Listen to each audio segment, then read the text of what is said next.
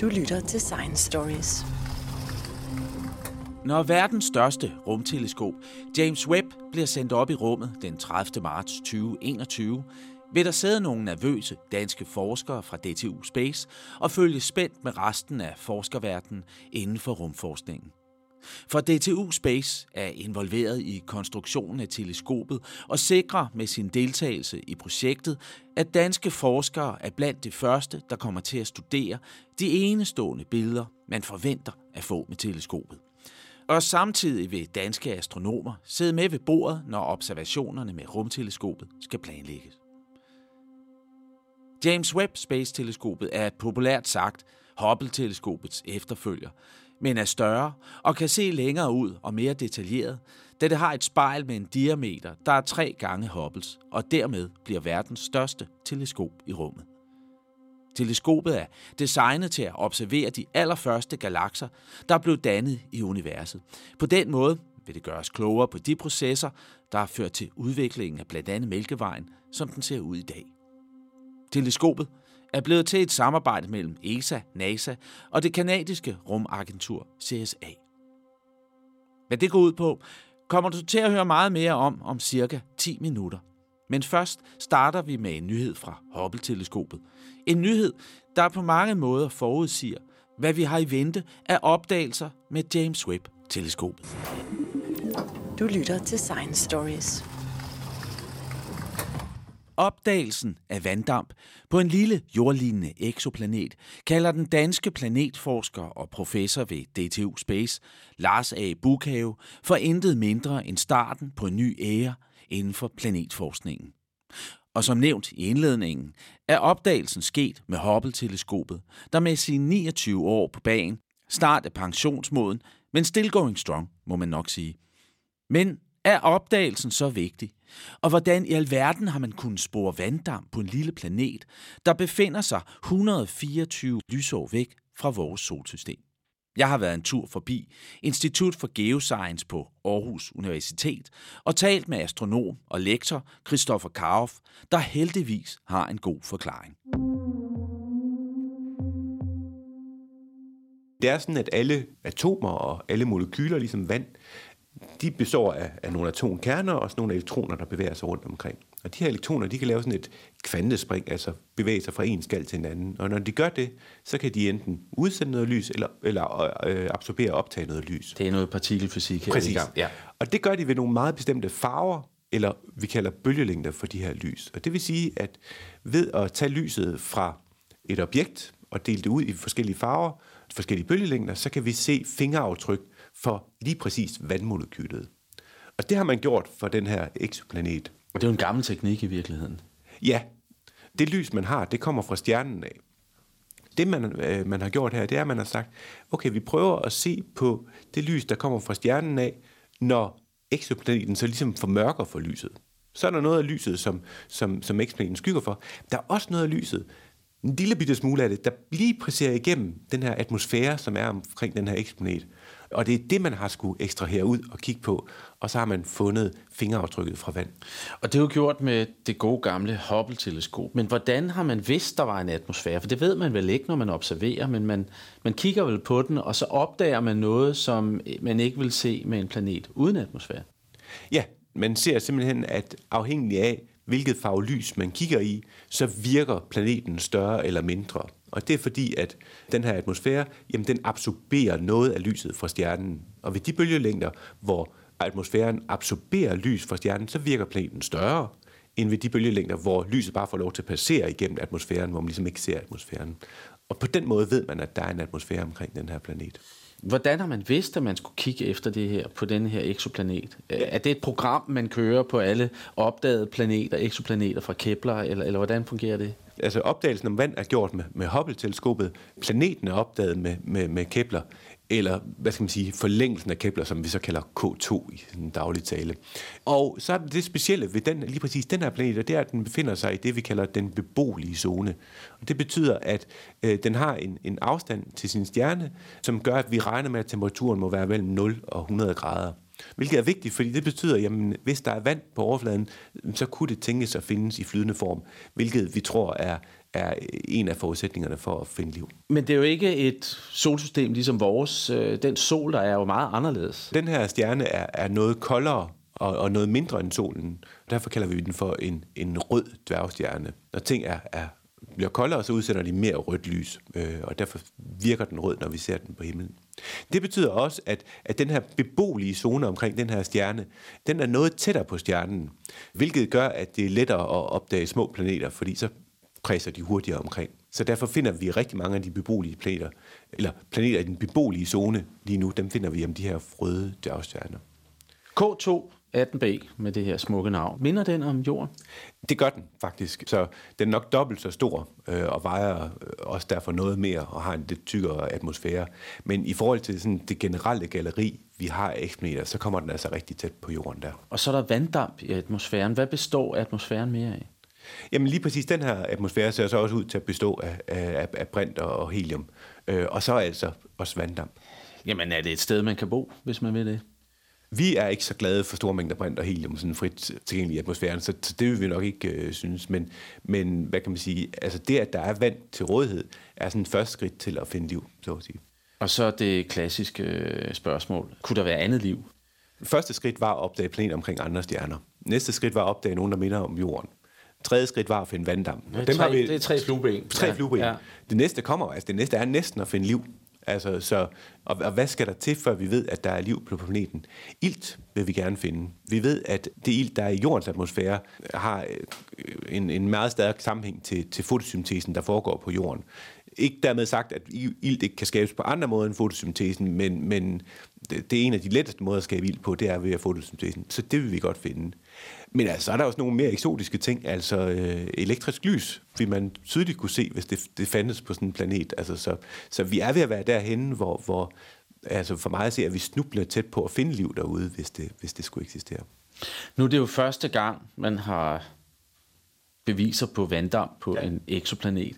Og da jeg læste artiklen, så tænkte jeg, wow, det var et af de der berømte flueben. Hvordan har du det som professionel astronom øh, med den her opdagelse? Jamen, helt sikkert også, at det er et, et flueben. Man skal sige, det var så også et flueben, jeg var ikke i tvivl om, det vi komme. Mm. Altså, fordi at vand er en meget, meget simpel måde at, at sammensætte brint og oxygen på. Så, så, så hvis, hvis du har det til rådighed, jamen, så kommer det. Så, så på den måde var jeg den klare overbevisning, det skulle nok øh, komme, så at sige. Så er der jo det her med, at det er den her røde dværgstjerne. Selvom de er store kandidater til at finde liv, så er der også nogle problemer ved at bo så tæt på din værtsstjerne eller din sol, så at sige. De elektrisk ladede partikler fra, fra solen og UV-stråling og sådan noget, um, gør, at det i hvert fald for os mennesker ikke vil være så rart. Men mindre der er et stærkt ozonlag eller sådan noget i atmosfæren, det vil jo også være, være muligt. Så muligheden til liv er til stede, men det er ikke nødvendigvis de samme muligheder, som vi har her på jorden. Altså. Nu øh, handler det her jo også om James Webb-teleskopet, som jo ikke har til opgave i at finde eksoplaneter som sådan, men øh, skal kigge på de her eksoplaneter, der findes. Hvad, hvad er dine forudsigelser? Hvad er dine, øh, dine ønskedrømme til, hvad, hvad der kan ske med det her James Webb-teleskop, når det kommer op her om et par år?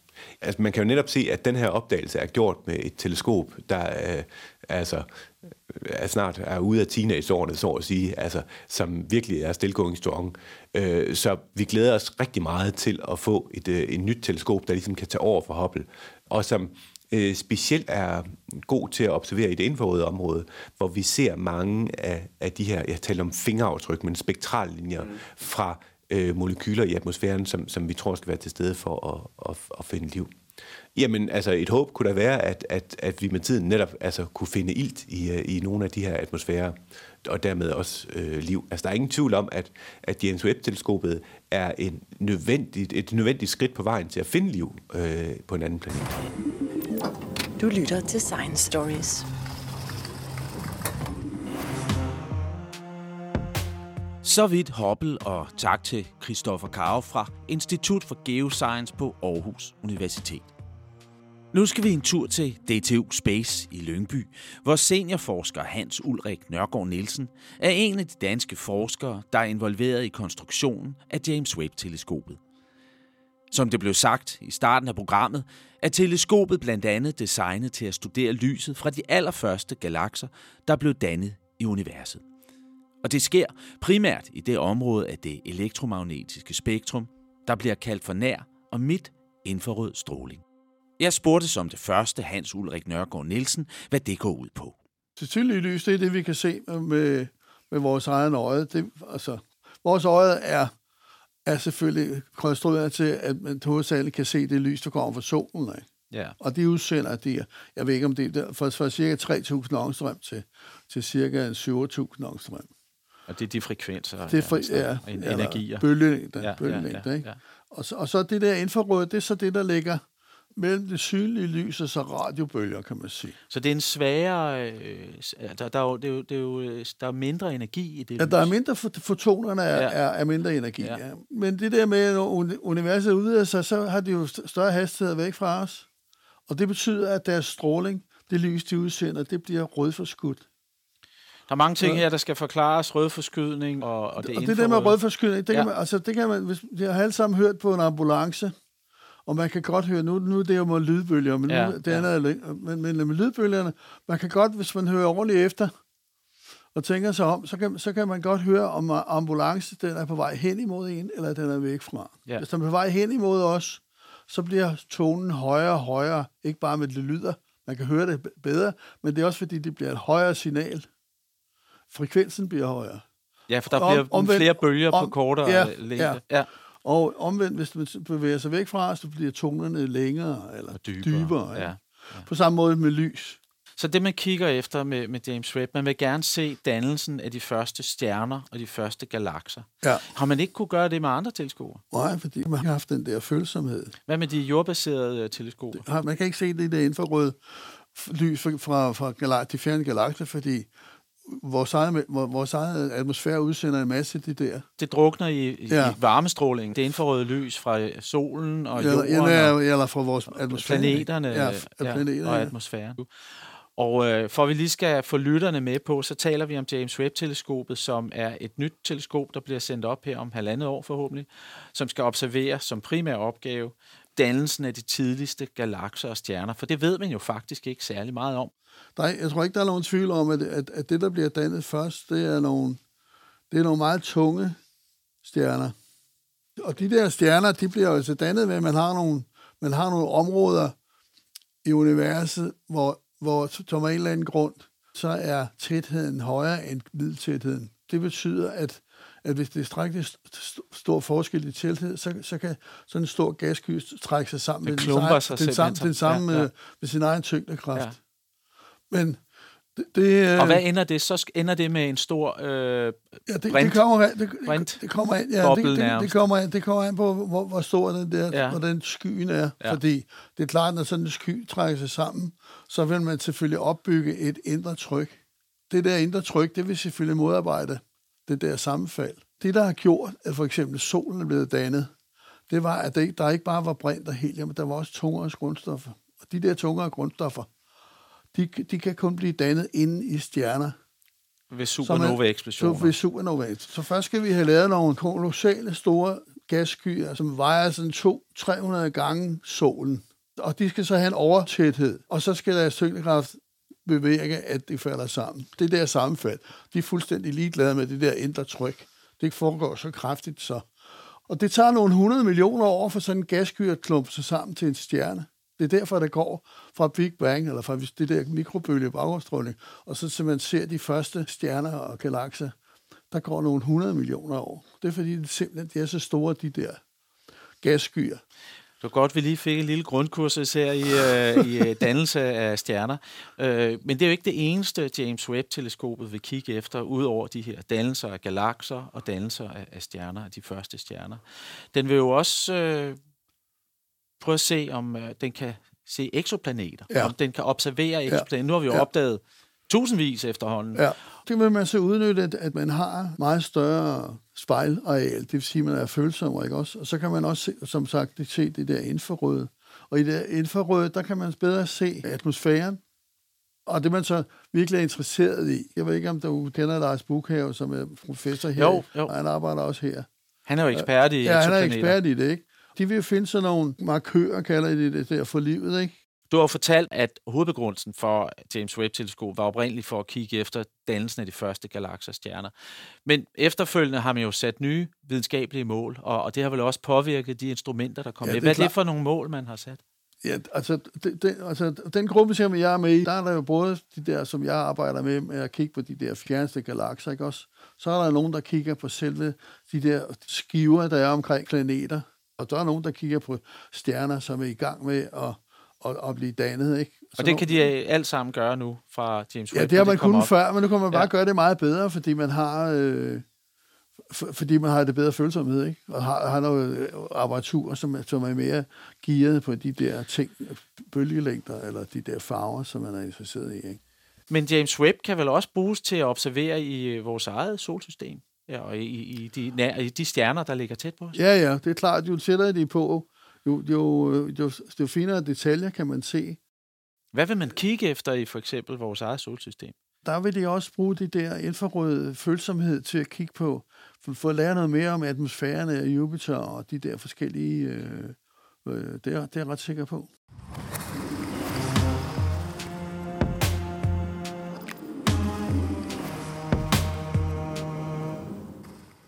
Du lytter til Science Stories. Mit navn er Morten Remer. Jeg befinder mig på DTU Space sammen med seniorforsker Hans Ulrik Nørgaard Nielsen, som er involveret i James Webb-teleskopet. Vi har hørt lidt om, hvad teleskopet kan og skal. Men jeg kunne også godt tænke mig at få et billede på, hvordan ser det ud. Hvad, jeg ved, at det kan jo ikke være i sådan en raket, den skal sendes op. De har jo været nødt til at pakke den lidt sammen, og det har du udtrykt uh, lidt bekymring for, for det kan jo gå galt, når den så skal folde sig ud. Kan du prøve at beskrive uh, størrelse og, og hvad den lavede af? Der er forskellige ting, ikke? Også der er for det første det der med, med spejlet, som er, har de der 6 meter i diameter. Og det er jo et specielt spejl, Det er sådan klappet sammen, og så bliver det så foldet ud, når den gang kommer op i rummet. som en ikke? musling. Og det er man selvfølgelig bekymret for, for da jeg startede på Dansk Rumforskningsinstitut for snart mange år siden, i 1987, der var det forbudt. Uha, man må ikke have nogen som helst bevægelige dele. På Og de kan, de kan sætte sig fast Ja. og alt muligt. Og det der med, at, med gnidning i sådan et lufttom rum, det er sådan større videnskaber for sådan noget til at virke. Ikke? Men det er jo det, de åbenbart ikke tager pivet over. Men vi andre kan jo godt gå hen og, og være sådan lidt øh, bekymret for det. Selvom det er bygget op som et klassisk teleskop, så har det jo også en solskærm. Hvorfor har den det? Altså, nu er det sådan, at alting, det udsender lys. Den basale parameter i det, det er, at det udsender mere lys, jo varmere det er. Solen, S- Solen, månen, ja, ja. og så videre. Ikke? Og, så, og så vil man gerne beskytte kikkerten, dels for, at man ikke vil have så meget lys for kikkerten som overhovedet muligt, men også fordi det samtidig med, at man så varmer det op. Så det er et stort spejl. Hvis man lyser på det, så, øh, så vil det begynde at, at deformeres. Øh, derfor har man lavet sådan nogle sunsheets, som det hedder på engelsk. Ikke? Solskærme, Ja. Solskærme, Ja. ja. Så jeg tror, at, jeg kan ikke huske, der er, der er en 4-5 lag af sådan noget meget tyndt folie, men som lys ikke kan gå igennem. Og hvorfor er det simpelthen for at undgå, at øh, lyset skal ødelægge teleskopet eller observationerne? Så der går hul på det, ikke også? Så er det jo en katastrofe, ikke? Fordi så får man alt for meget lys ind på spejlet. Det ødelægger det måske ikke, men det giver meget større baggrundslys i forhold til det, man gerne vil se. Man skal gøre sig klart, at det der, når man går ud sådan en, øh, en solskinsdag, og det er fint, så kan man stort set ikke se andet end solen og månen. Men det er jo ikke, fordi der ikke er nogen stjerner på himlen. Det er bare simpelthen, at atmosfæren lyser så meget op, at stjernerne drukner. Hvorfor er det så vigtigt, at James Webb-teleskopet har en øh, meget lav arbejdstemperatur? Er det af hensyn til udstyret? Det er på grund af observationer, man vil ikke have det der lys på spejlene, og det, de bliver deformeret. Og det at man kan have alting så lavt som muligt, fordi de der detektorer, de bliver jo kølet ned til nogle få grader fra det absolut nulpunkt. Ikke? Så jo højere temperatur det alt muligt har, jo sværere bliver det at, at, at køle de der instrumenter ned. Så ellers ville de simpelthen ikke så, registrere. reg- så, kan, så bliver støjen internt i de der instrumenter så stor, så man ikke kan registrere de der svage kilder. Ikke? Opsendelsen her om cirka halvandet år er jo ikke helt normal, fordi den skal jo ud til et punkt, der ligger meget længere væk end Hubble-teleskopet, som befinder sig bare øh, 600-700 km øh, over jordens atmosfære. Kan du fortælle om rejsen ud til det her punkt, som bliver kaldt Lagrange 2? Lagrange-punkterne, det, det, det, det, er- det en, en, en gammel fransk øh, matematiker, der, der prøver at kigge på, på vores solsystem og se, om han kunne finde nogle stabile punkter. Og hvis vi kun har, forestil os, at vi kun har solen og jorden, og vi prøver at sende en satellit ind mod, nu siger jeg til, jeg, jeg er jorden, ikke? og du er solen, og jeg Og sidder over for hinanden ind. her nu, ja. Ikke? Og så på et eller andet tidspunkt, så vil tyngdekraften fra jorden, den vil hive den der vej, ikke også? Og, og, og tyngdekraften fra dig, den hiver den anden vej. Så på et eller andet tidspunkt, så må det være et sted, hvor tyngdekraften er lige med 0, ikke? For den er lige stor for begge For det er lige stort for begge sider, ikke også? Og det vil sige, hvis man kan placere en satellit i det punkt, uden en hastighed, så vil, og der ikke var andet i hele solsystemet end dig og mig, ikke? Og så, så vil det jo blive der. Det vil sige, man behøvede jo ikke at have en raketmotor med, og man behøvede ikke at have alt muligt raketbrændstof og alt muligt. Det vil sige, at man kan bruge alle de kilo, man har. Der er altid et kilo, belast, et kilos begrænsning på, hvad de der raketter kan sende op, ikke? Så man kan bruge alt, alt sin, alt sin kilo, kan man, kunne man bruge på Alt brændstoffet kan man bruge til at flyve derop. Ja, nej, det, det bruger man raketten til. Ja, ja. Det behøver man ikke. Ja, ja. Øh, og så, så, så, øh, Og så parkerer man. så, så ja, hvis teleskopet man kan, hvis der man i kan det. princippet. Der, er- der er for eksempel, jeg ved ikke, om du har set, der er, en, der er en, og det jeg mener, det er stadigvæk ved en, en satellit, der hedder Soho, Ja, Soho, sol, Som har- som observerer ja. solen, ja. som observerer solen, har taget nogle fantastiske billeder. Den har ligget i det der punkt. Ikke? Men den ligger ikke Lagrange 2. Den ligger i den ligger i. Lagrange punkt 1. Det var, vi Ja. snakkede om Lagrange punkt 1. ikke? Ja, ja. Ja, og Lagrange punkt nummer 2, det ligger bare 1, den der, det ligger 1,5 millioner kilometer fra, væk fra jo- jorden ind mod solen, ikke? Og Lagrange punkt nummer 2, det ligger lige modsat 1,5 millioner. Hvorfor har man valgt Lagrange 2 og ikke Lagrange 1? Vi er jo interesseret i at kigge så langt væk fra solen som overhovedet muligt, ikke? Så vi vil have ryggen til Så solen. vi vil have ryggen til solen. Aha. Vi vil også have ryggen til jorden, ikke? Vi vil også have ryggen til månen, ikke? Fordi det udsender en masse lys af det der, som kommer ind og generer vores observationer, ikke? Så derfor valgte vi, derfor har vi valgt Lagrange nummer to, ikke? Lagrange-punktet ligger halvanden million kilometer væk, Ja. som du siger. Ja.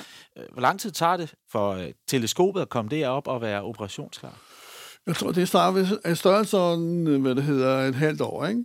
Nu, altså det første kan man jo, skal man jo væk fra jorden, og så skal hele, det hele systemet jo, både satellit og detektorer, og det hele, det skal jo køles ned, så, så det virker, ikke? Og der er koldt ude i rummet. Så er der koldt ude i rummet. Ja. men, det, men, det, men, der, men der, det er jo, man har kun det der strålingsvarme til ligesom, og, og, og stråling, at det stråler ud, til ligesom at køle dem ned, ikke? Og, så det går der nogle måneder med. Og så, så bruger man resten af tiden til ligesom at teste, afhængig af, hvor, hvor, hvor hurtigt de der ting de bliver kølet ned, og hvad for nogle test, man skal lave. Så tester man instrumenterne hen ad vejen, Indtil de er klar til indtil at de er klar. operativ, Ja. Ja. Men halvanden millioner kilometer. Øh, hvordan kommunikerer man? Hvordan taler man med James Webb-teleskopet og siger, nu skal du tage et billede af det her, og nu skal du gøre det? Det har man jo forskellige. De har jo sådan noget deep, deep uh, space network, de der amerikanere, så de har jo sådan nogle store radiomodtagere og sender stående rundt omkring på verden, så det er ligegyldigt, hvor man er henne, så kan man kommunikere med dem. Ikke? Du lytter til Science Stories.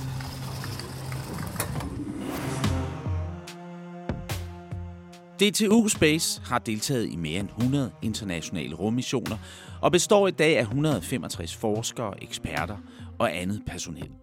Udover at forske i rummet, er en af centrets ekspertiser at bygge måleinstrumenter og dele til instrumenter, der skal ud i rummet. Og det gælder også i det her tilfælde. Hans Ulrik Nørgaard Nielsen fortæller her om de særlige instrumentholdere, man har konstrueret til teleskopet. Her på, på instituttet, der har vi ekspertise i kulfiber. Kulfiber, der virker ved meget lave temperaturer. 20-30 grader fra det absolut nulpunkt. Ikke? Og det, det var sådan noget, de havde brug for i James Webb, specielt til det der midt-infrared instrument, fordi detektorerne skulle holdes på cirka 5K, Kelvin. og ja. 5 Kelvin, og, og selve ophæng, det, de skulle ophænges på, det, det var en temperatur på 40K, eller 50K, ikke? Og så skulle man have nogle stænger, som vi havde været ekspert i, sådan nogle kulfiberstænger, som kunne holde, isolere dem, som det skulle være stærke, for at holde det der instrument vejer 100 kilo, så det der, der er 20 G, når det der bliver sendt op, så de skal både være stærke, og, og, og så, må det, så må det ikke transportere varme igennem. Det Det er det- ikke så let. Det, Det er ikke skal så let, men det har øh, vi klare. heldigvis en dygtige maskiningeniører, som har forstand på det. Og, og det har han så lavet, så- og det vil de der folk, der var ansvarlige, hovedansvarlige for mig, det vil de gerne have med. Så det, som jeg har været med, som ligesom jeg har været leder af det der, men det er hovedsageligt vores maskiningeniører, som har, har lavet det der konkrete arbejde. Ikke?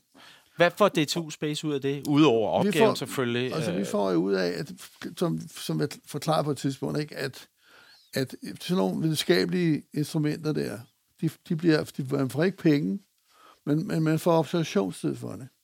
Så, så det der instrument der, det får, har, vi, har vi i alt fået 450 timers observationstid. Det er, det er currency i, Det er, øh, det er inden for ja, øh, købmandsregning øh, ikke? teleskopbygning. Og det, som jeg arbejder på i den, den gruppe, som jeg er formand for sammen med en, en spanier, det, vi har fået 125 timer, hvor jeg står for det ene ting, det er det med at tage de der billeder, og han, han står for det der med at, at lave nogle f- fine, mere sådan detaljerede observationer. Så I, I har hvert jeres program, I kan gennemføre med den observationstid. Ja, vi har, men der, der sidder, der, der vi er med 10-15, vi er 15 mennesker med i den der Her fra DTU. Space. Nej, nej. Kun mig, og så kun mig, og så fra andre med, fra de der øh, ESA-medlemslande er, er med, ikke? fordi de andre, de, de, leverer, de andre lande leverer jo også noget til det. der Og hvad er det for noget, at du skal sidde med? Jeg, jeg, det- jeg er ansvarlig for at, at, at, at, at definere sådan et, et, det, vi kalder Deep Imaging Survey, og det, i bund og grund er det bare at tage et billede, et billede af et lille område på himlen, som er det, det bedste om, det, det er område på himlen, der hedder Hubble Ultra Deep Field, som er det bedste observerede, indtil videre bedst observerede område på himlen. Det skal I Og genskabe det skal i jeg- near infrared. Det skal vi, det skal vi så det skal, ja, i, i midt infrared. ikke? Mid-infrared, ja. Ja, og, øh, og det har vi fået 50 timer til. Det vil tage 50 timer at tage det, Det tager billede. det, et, et, Et billede. Hvis vi kigger på det i 50 timer, ikke?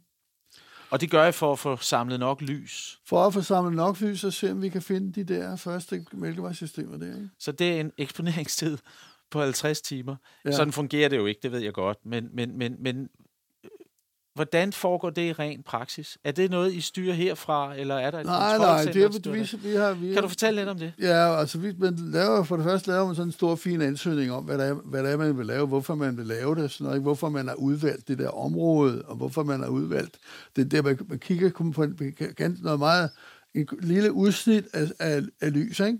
Altså af farver. Og øh, når, når det, så er det, ligesom, det, det, det er sådan, de andre grupper i, øh, i det der konsortium, ikke? Og de så går med til, og det synes de er god nok, og så videre, ikke? Og så går vi så i detaljer med, hvad, hvad er det lige præcis, hvad det der område, du ved, hvor, meget, hvor er det, vi skal pege, og hvad er det, vi så skal, hvad skal vi så forberede? Øh, det som, jeg, det, som jeg forbereder i øjeblikket, det er simpelthen at finde ud af, hvordan det der instrument, det virker. Fordi vi, vi regner med at få de der, vi regner med at få de der observationer lige, når, når man går i gang med at observere med, med James Webb. Så man har ikke, man har ikke, ja, man har nogle, man, man observerer nogle, laver laver nogle test på vejen fra, fra, øh, fra jorden og så op til det der L2, det der 1,5 millioner kilometer væk. Men, men, men så, så, så, så øh, vi gør så meget, vi kan for at finde ud af helt præcist, hvordan instrumentet virker. Så, fordi der er sådan forskellige små ting, sådan nogle systematiske fejl, som vi kalder det. Du ved. Det, er jo, det er jo ikke perfekt. Jeg ved ikke, om du, hvis du har et, et, et, et, et, et, et fotografiapparat med en CCD-kamera, så kan du også se, at der er sådan nogle fejl i det. Og sådan noget, ikke? Så det skal, man- det skal man finde ud af, hvad, fanden, hvad man gør ved. Så det, så det er det, vi er i gang med i øjeblikket. Ikke? Så, så tager vi sådan hele turen igennem. Dels at forstå alle de der øh, unøjagtigheder, hvad man skal kalde det, de der ting, hvor det ikke, det, alting virker ikke helt, som man, som man tror, og finde ud af, hvad, hvad kan vi gøre ved det? Og så det næste, det er så selvfølgelig at finde ud af, når vi nu har de der data gjort, korrigere dem så meget som muligt, så, øh, så, skal, vi, så skal vi finjustere. Vi er sådan et, et enormt lille signal, som vi er ude efter, så alle de der forskellige små ting, der kan unøjagtigt, at der er i sådan en de- de- detektor der, ikke? Det er man nødt til at kende sådan i Der er enormt meget støj i billedet, kunne jeg forestille mig. Ja, der er også støj, men der er, også, ja, så der er støj, så er noget af der er støj, der er bare tilfældigt. Ja. Så hvis man bare eksponerer længe nok, så, så bliver det ude, ude, udjævner sig. Men så er der også noget støj, som er sådan systematisk, som er der altid ligegyldigt, hvor meget man udjævner. Så er det der ikke. Og det skal man så, det skal man så finde, finde måde at korrigere for, ikke? Så det er det, jeg bruger en hel del tid på.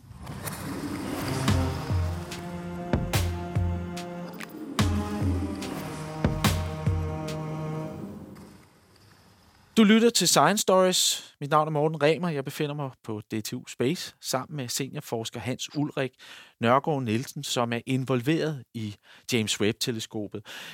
Nu har det her projekt, James Webb-teleskopet, været i gang i en del år, og nu er det lige før næsten, øh, det bliver sendt op, og I skal til at arbejde med at tage de første billeder.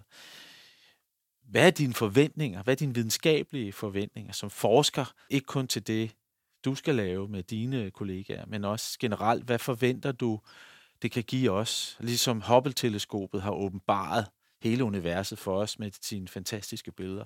Hvad, hvad, hvad forventer du af James Webb-teleskopet? Ja, ja, jeg forventer, at man flytter ligesom, ligesom grænsen for, hvad, hvad vi, hvad vi øh, kender noget til. Ligesom, ligesom Hubble Space Telescope har gjort. Ikke? Det har virkelig flyttet vores forståelse af galaksernes dannelse og udvikling osv. Og, ikke? og nu kommer, kan vi så med James Webb, kan vi, kan vi gå endnu længere væk, det vil sige komme endnu tættere på i, i forhold til deres danses, hvordan de bliver dannet helt fra starten af deres dannelse. Ikke?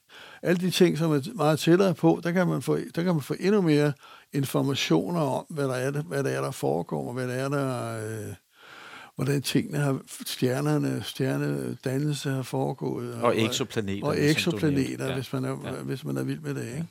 Men James Webb kommer man aldrig til at lave så finde sådan nogle helt nye planeter. Det tror jeg ikke. Det er ikke, det er ikke særlig velregnet, fordi det har sådan, de kigger på sådan en lille del af himlen hele tiden. Ikke?